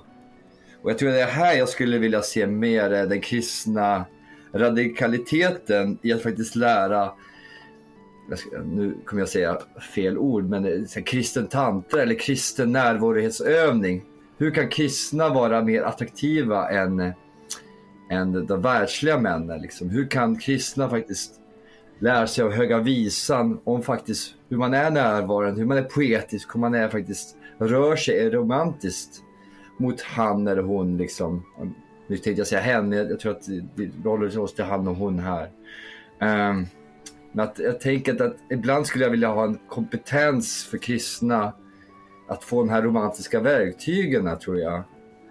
Ehm, um, intimitetsverktygen, närhetsverktygen, sund massageverktyg så man kan börja röra sig mot eh, ett utforskande, en längtan, ett känna av som ändå är inom den kristna ramen. Alltså inte sex för äktenskapet då, men då att man kanske ändå kan känna av, är intresserad av dig, jag får en viss sund beröring. Så därför skulle det vara intressant att se i samverkan med er eller, eller bara höra mina kristna kulturer de kommande åren. Om det finns ett, kanske ett, ett kreativt sätt att bemöta den här problematiken av att man blir inte man är inte rädd för sexualiteten, men man blir inte styrd av den. Utan man hanterar den, man guidar sin längtan på ett sätt som är sunt. Eh, och den, den mognaden skulle jag vilja se inom den kristna rörelsen. Att man, ja, jag har en stark intimitetstörst. Så jag och min killkompis brukar massera varandras ryggar så vi slappnar av, vi tar bort stressen. Och sen går vi ut och dansar två timmar och känner oss liksom, ja, men i kroppen. Liksom. Så, så gjorde jag när jag bodde i Umeå. Då gick jag alltid på kyrkan två möten. Först så gick jag ut och dansade på klubben. Och då fanns det sån glädje, det var kul och liksom man, man var nykter men man var ändå liksom lekfull och var i kroppen. Och jag tror någonstans där kände jag att jag hittade balansen mellan, mellan min kristna tro, liksom att vara, vara fin, vara god, vara liksom närvarande, vara kopplad med Jesus. Men också att möta min längtan att möta en partner, att möta någon i närhet. Och, och jag, jag hoppas det kommer någon liksom en Jordan Peterson för kristna som kan liksom guida dem. Eller kanske inte Jordan Peterson, men kanske någon, någon mer. Olof Edsinger har försökt. Eh, lite... Och I vissa kretsar så går det bra, i andra kretsar så... Han är lite ensidig. Han, han är en fin person också, men det finns ingen dynamik runt honom. Han, han, han har alla svaren själv. Jag tror det skulle vara intressant om det fanns någon liksom mer Ja, André eller du eller någon som har lite mer poesi i kroppen. Ja, vi får se. Jag gillar ju många projekt, men vi har ju märkt att det kan bli väldigt eh, känsligt just när vi börjar prata om sex. Alltså vi har ju fått näthat mot oss bara för att vi har låtit Stefan Gustafsson ja, prata om onani. Det är alltid eller väldigt, väldigt laddat. Singer prata om analsex och så här. Så kan folk bli helt galna. Mm. Ja, på det sättet tycker jag att han är modig och jag, jag, jag kommer ihåg när jag var på EFS så, så hade han, han har ju skrivit många bra böcker och att jag tror han och andra Ed Thomas också. Jag tror Ed Thomas var min favorit när jag växte upp inom EFS för där kunde man verkligen vara ärlig. Så jag, jag brukar säga Ed Thomas tror jag när jag var på liksom salt och tejpläger. Då kunde man liksom vara helt ärlig om vad man liksom reflekterade runt sin tro och sin sexualitet. Och bli hörd och inte dömd. Jag tror det var eh, mest av det läkande och avsläppande för min mognad. Jag tror att någonting släppte när jag liksom hängde med Thomas, han som jobbar på EFS och Svenska kyrkan samtidigt cross culture i Uppsala. För han, han såg en i sin längtan, han tog det naturligt men han hade ändå kristna idealet liksom. Och jag tror att kan, kan en sån kultur växa fram där man lyssnar, man dömer inte men man har ändå värderingar. Där kände jag mig trygg. Så nu när jag reser tillbaka i min kristna resa så kommer jag ändå vara vissa personer som försökte skapa en trygg miljö för att ha de här svårare samtalen som vi alla vill ha. Men vi vet inte om vi klampar i klaveret för att vi börjar prata om det. Ja. Men eh, avslutningsvis då, eller avslutningsvis. Men jag tänker återrikta uppmärksamheten mot Anita där, för du var inne på det tidigare så här gränsen mellan föräldraskapet och barnets autonomi så. Hur sätter du som kristen förälder bra gränser och vid vilken ålder tänker du att barnet måste börja hitta sin egen väg och hur ser dina tankar ut kring de processerna? Eh, jag och min man har lite grann det här judiska tänket att vi tänker att barnet är moget att man ska kunna ha samtal från 12 års ålder, 12-13 års ålder, då är de intellektuellt mogna. Man kan föra vilket som helst samtal med dem. Men, men då är det ju det här med autonomi som du säger och integritet. Eh, men där tror jag det är ändå bra, alltså familjen eller eh, föräldrarna har ett ansvar. Och, och där är ju också det här eh, vi som kristna föräldrar, eller alla ni som lyssnar då, är föräldrar, vi har ett ansvar också inför Gud för vårt förvaltarskap av våra barn. Och, och, det står ju också att vi ska ja, lära våra barn alltså, om livet. Jag menar, vi ska lära dem hur de ska vara i relationer, ta ansvar för sin ekonomi, alltså få dem att växa upp och, och, och det föräldraansvaret kanske är ganska nedmonterat i vårt land idag. Men till det hör ju också den här biten. Men det är bara en bit av många. Men, men att på något vis få dem att veta att sexualitet är någonting vackert. Eh, det är någonting att, att det är en gåva som de ger till någon annan. Så att det beror på approachen som man har. Eh, men också vem vill du vara för någon annan? Eh, och jag tror inte att alla längtar efter att ha en partner som är med många. utan, utan kanske vill vara med någon som kanske inte har varit med någon. För det, det är ju så, eh, handlar ju så mycket om tillit och trygghet. Så att, eh, men jag säger, det, är inte, det här är inte enkelt, men så länge vi kan ha dialog kring det och man inte kränker barnet så kanske det inte blir så det pinsamt. Men, men det, det, det, är en dans som Mattias har redan sagt om saker och ting. När vi pratar om saker så är det, det är inte enkelt. Men det är ju till syvende och sist så vill vi ju att barnen ska må bra, ha ett bra liv, vara välsignade och, och då är det ju att man vill leda dem till en väg som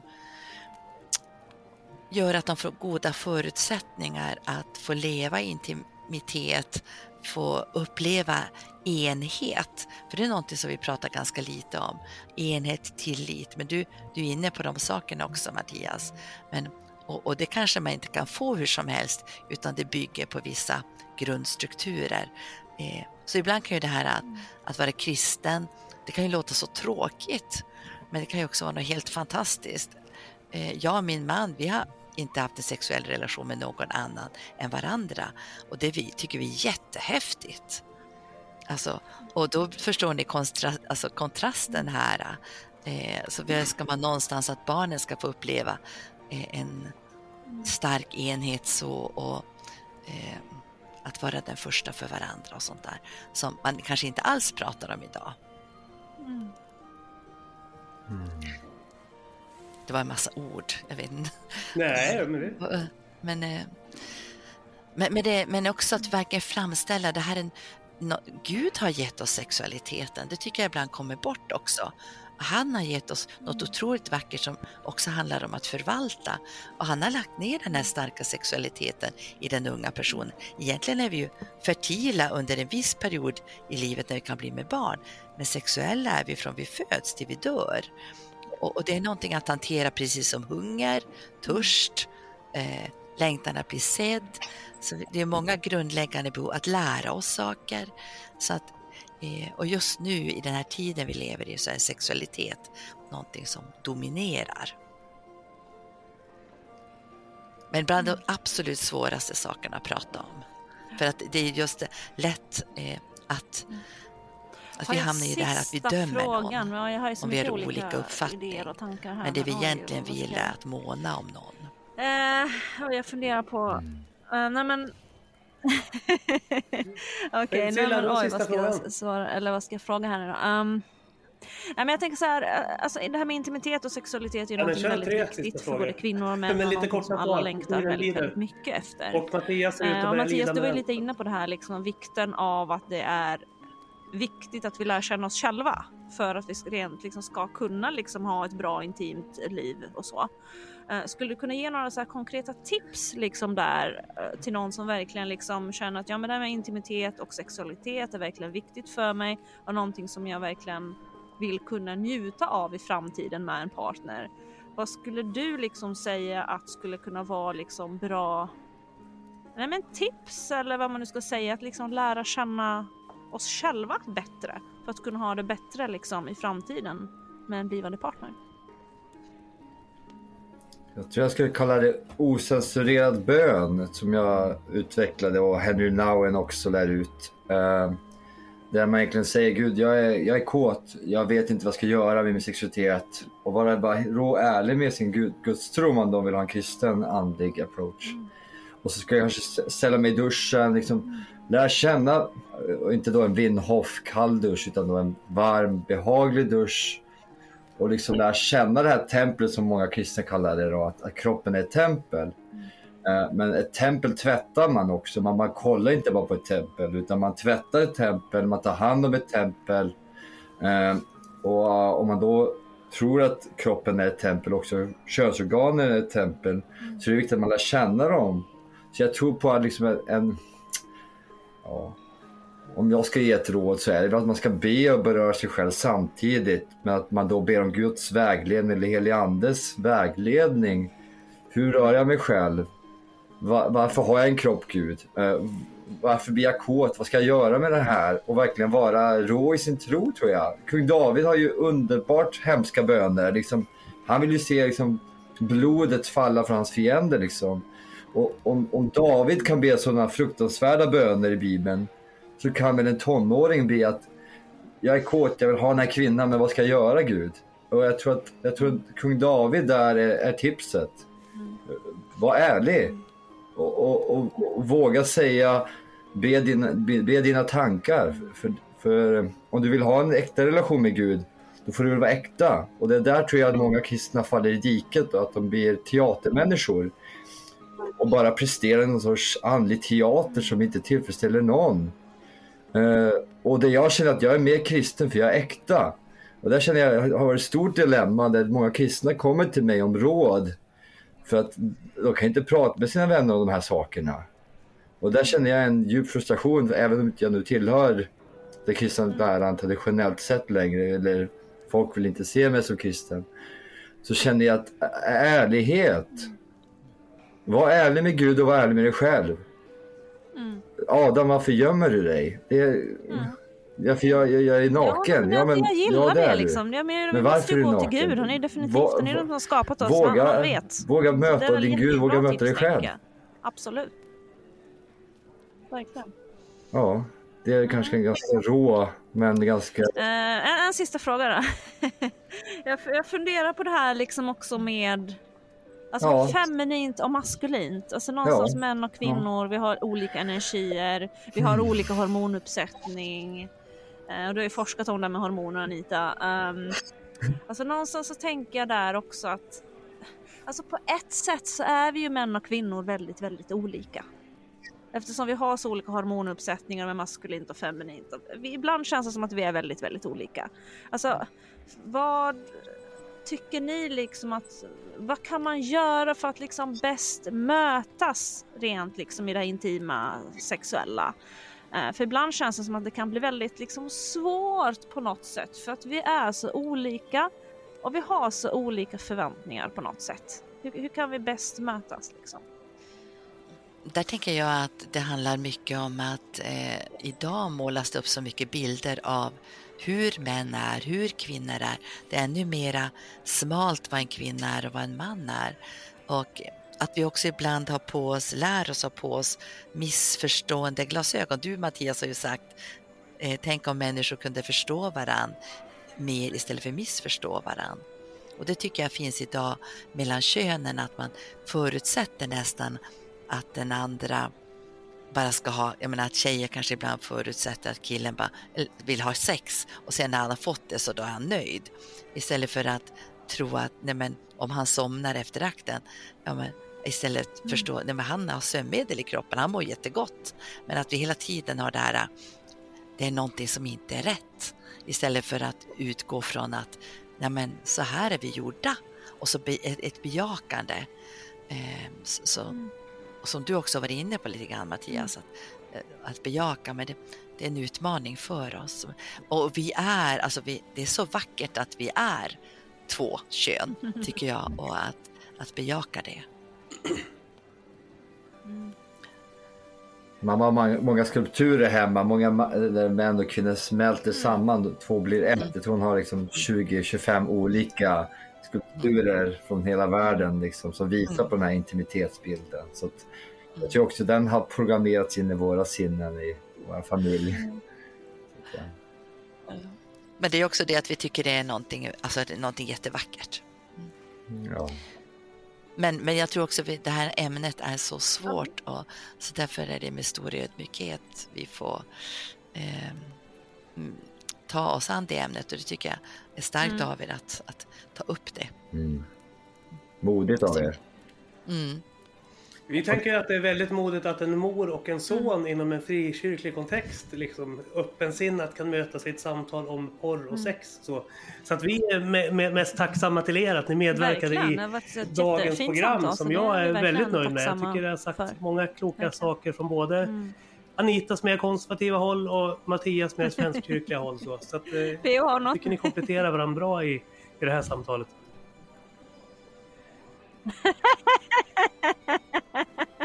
Mm. Nej, vi har ju vi hade, vi hade ju en sån här idé där vi skulle sälja så här rosa dildos med texten på The best is yet to come. Nej, men Silla, du har ju funderat på att börja så här, sälja kristna dildos. Jag vet inte riktigt om du vill utveckla den. Hålla den där Mattias.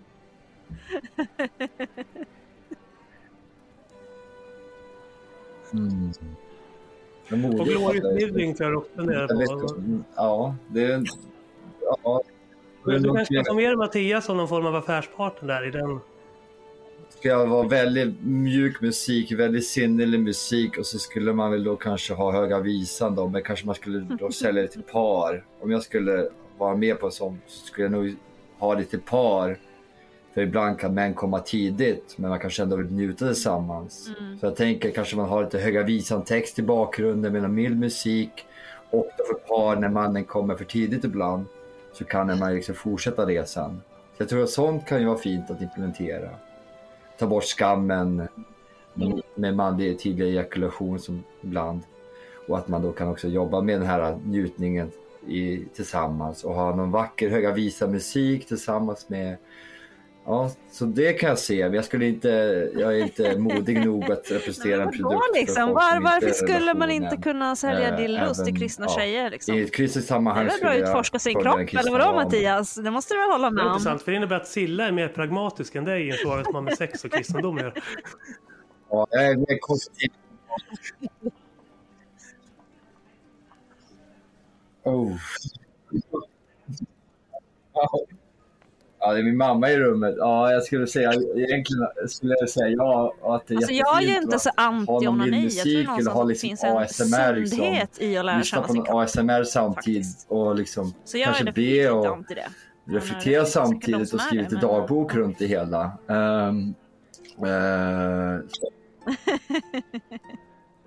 Ja. jag, jag, vad tänker Anita här? Jag, jag, är- jag är lite försiktig här.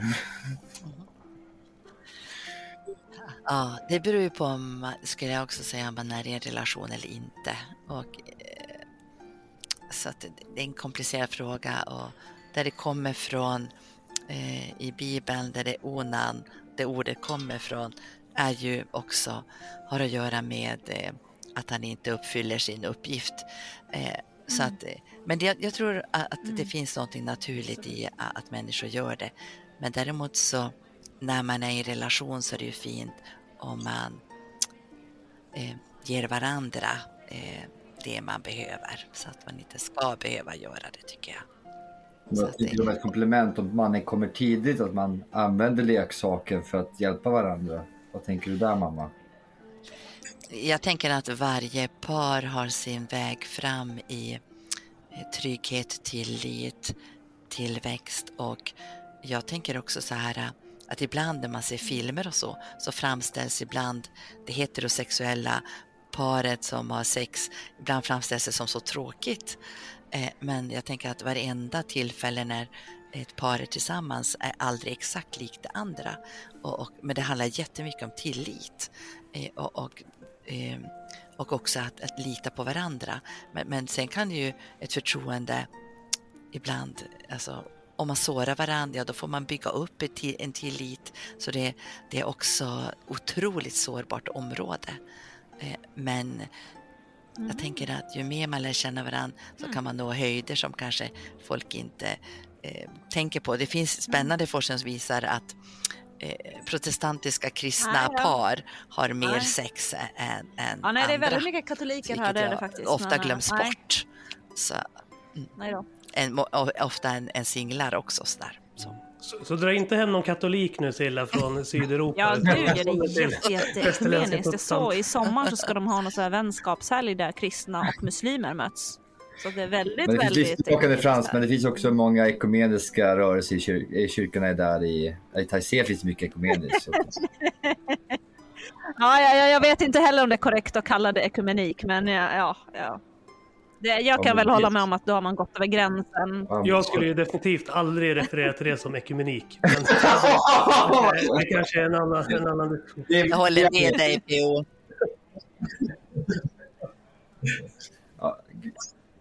Ja, det ursprungliga. Så. Inga kommentarer på den. Jag brukar jämföra det med Silla är moderat och jag är vänsterpartist. det låter som det är tvärtom här. Möte där muslimer och kristna ber tillsammans. Det är ungefär som ifall jag och Silla skulle sätta oss och skriva ett partiprogram eh, tillsammans. Eh, Medan att det är en annan sak att vi kan fira demokratin eller liksom den allmänmänskliga strävan efter Gud. Men när vi börjar praktisera religiösa liksom till, tillbedjan tillsammans, då menar jag att det är ungefär som att vänstern och moderaterna skulle försöka styra en kommun tillsammans. Jag skulle inte hålla med. Jag har ju varit i många mellanöstliga länder och när man är kanske med bland folket eh, så ska jag ändå säga att när man hittar genuina troende av någon sort så kan man se den här uh, devotion, den här uh, ödmjukheten och längtan att faktiskt möta Gud uh, finns i många olika kulturer. Ja, definitivt, och i, och i alla religioner. Jag tror att all, alla religiösa uttryck är just ett uttryck för människans sökande efter Gud. Så. På samma vis som alla politiska ideologier och politiska partier är en gemensam strävan efter demokrati och eh, välfärd. Så. Men där ska jag, jag vill sista kommentar på det. För det ibland kan jag känna att en väldigt närvarande som söker Gud, en karismatisk kristen som verkligen söker Gud, en muslim som söker verkligen Gud, kommer närmare en gudsbild ofta, en kärleksfull Gud. Så jag säger, Gud kanske, kanske inte ser titlarna medan vi ser titlarna. Men jag tänker att Gud kollar på hjärtat. Så ibland tänker jag att vi, vi, vi skriver titlarna på folket men när man verkligen ser någon som verkligen söker Gud så tror inte jag Gud kollar på titlarna. Eh, och där tror jag att nåden når längre. Men det är min övertygelse. Ja. Jo, jo, men det, det tror jag också. Och, men det är inte ekumenik, utan det är religionsdialog. Så att... Nej, jag tänkte att du skulle få avsluta Silla. Silla föll ur för er som lyssnar och undrar varför hon...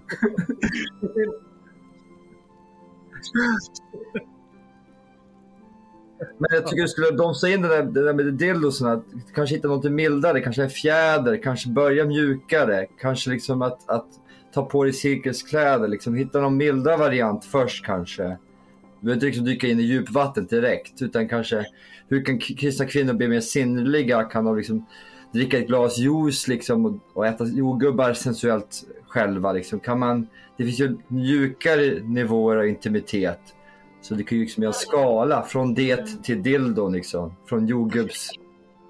Ja, jo, visst absolut. Det beror på utgångsläget liksom. Men nu tänker du ju att alla kristna kvinnor är liksom på jordgubbsläget. Det kanske Nej, men jag alla tänker är. att man kan, för att få acceptans inom kristenheten så kanske du kan jobba med en mjukare skala. Ja, Där det handlar om sinnlighet, närvaro. Liksom, det finns ju många vackra kristna sånger. Jag blev kysst av den helige ande. Liksom.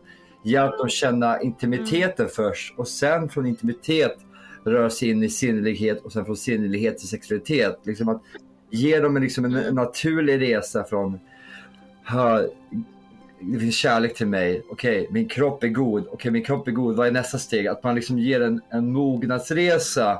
Ma- Mattias, det, det, det du måste ha med dig här nu är att Sillas värsta mardröm är att vakna upp i ett äktenskap där de har sex med släckt lampa varannan tisdag under täcket till missionären. Så att du liksom förstår vad... Jo, men det jag menar om hon då lär känna sitt ja. Om, om, Silla, om du lär känna din kropp. Då kan du redan, liksom, om du dansar med din blivande partner, kan du känna av kemin. Mm. Eh, och om du pussar så kan du troligtvis bli våt. Alltså det, man kan ju få erigerande utslag även utan att beröra. Så jag tror att eh, lyssna in din kropp. Eh, Absolut. du, ja, så. Mm. Ja, nej men superbra tips. Vi är Mm. jättetacksamma och glada över att ni kom. Jättekul att vi har er här. Så supertack från mig och PO. Och alla Mm. lyssnare också som säkert har uppskattat det här avsnittet jättemycket. Mm. Så ja, så vi avslutar som vi brukar PO. Med att önska alla våra kära lyssnare en stor puss och kram! Stort tack för att du har lyssnat på Kristna Datingpodden. En livsstilspodd i samarbete med Valo Dejtinga, veckotidningen Sändaren och Studieförbundet Bilda. Mig, Silla Eriksson och med mig, Theo Flodström. följ oss på kristendate.podbean.com och Spotify. Trött på dejtingtjänster med tvättbrädesmagar och tomma löften? Hitta något äkta. Valo är Sveriges snabbast växande datingapp för kristna. Där du kan hitta sällskap med gemensamma värden. Ladda ner Valo gratis från App Store och Google Play och upplev kärlekens vår.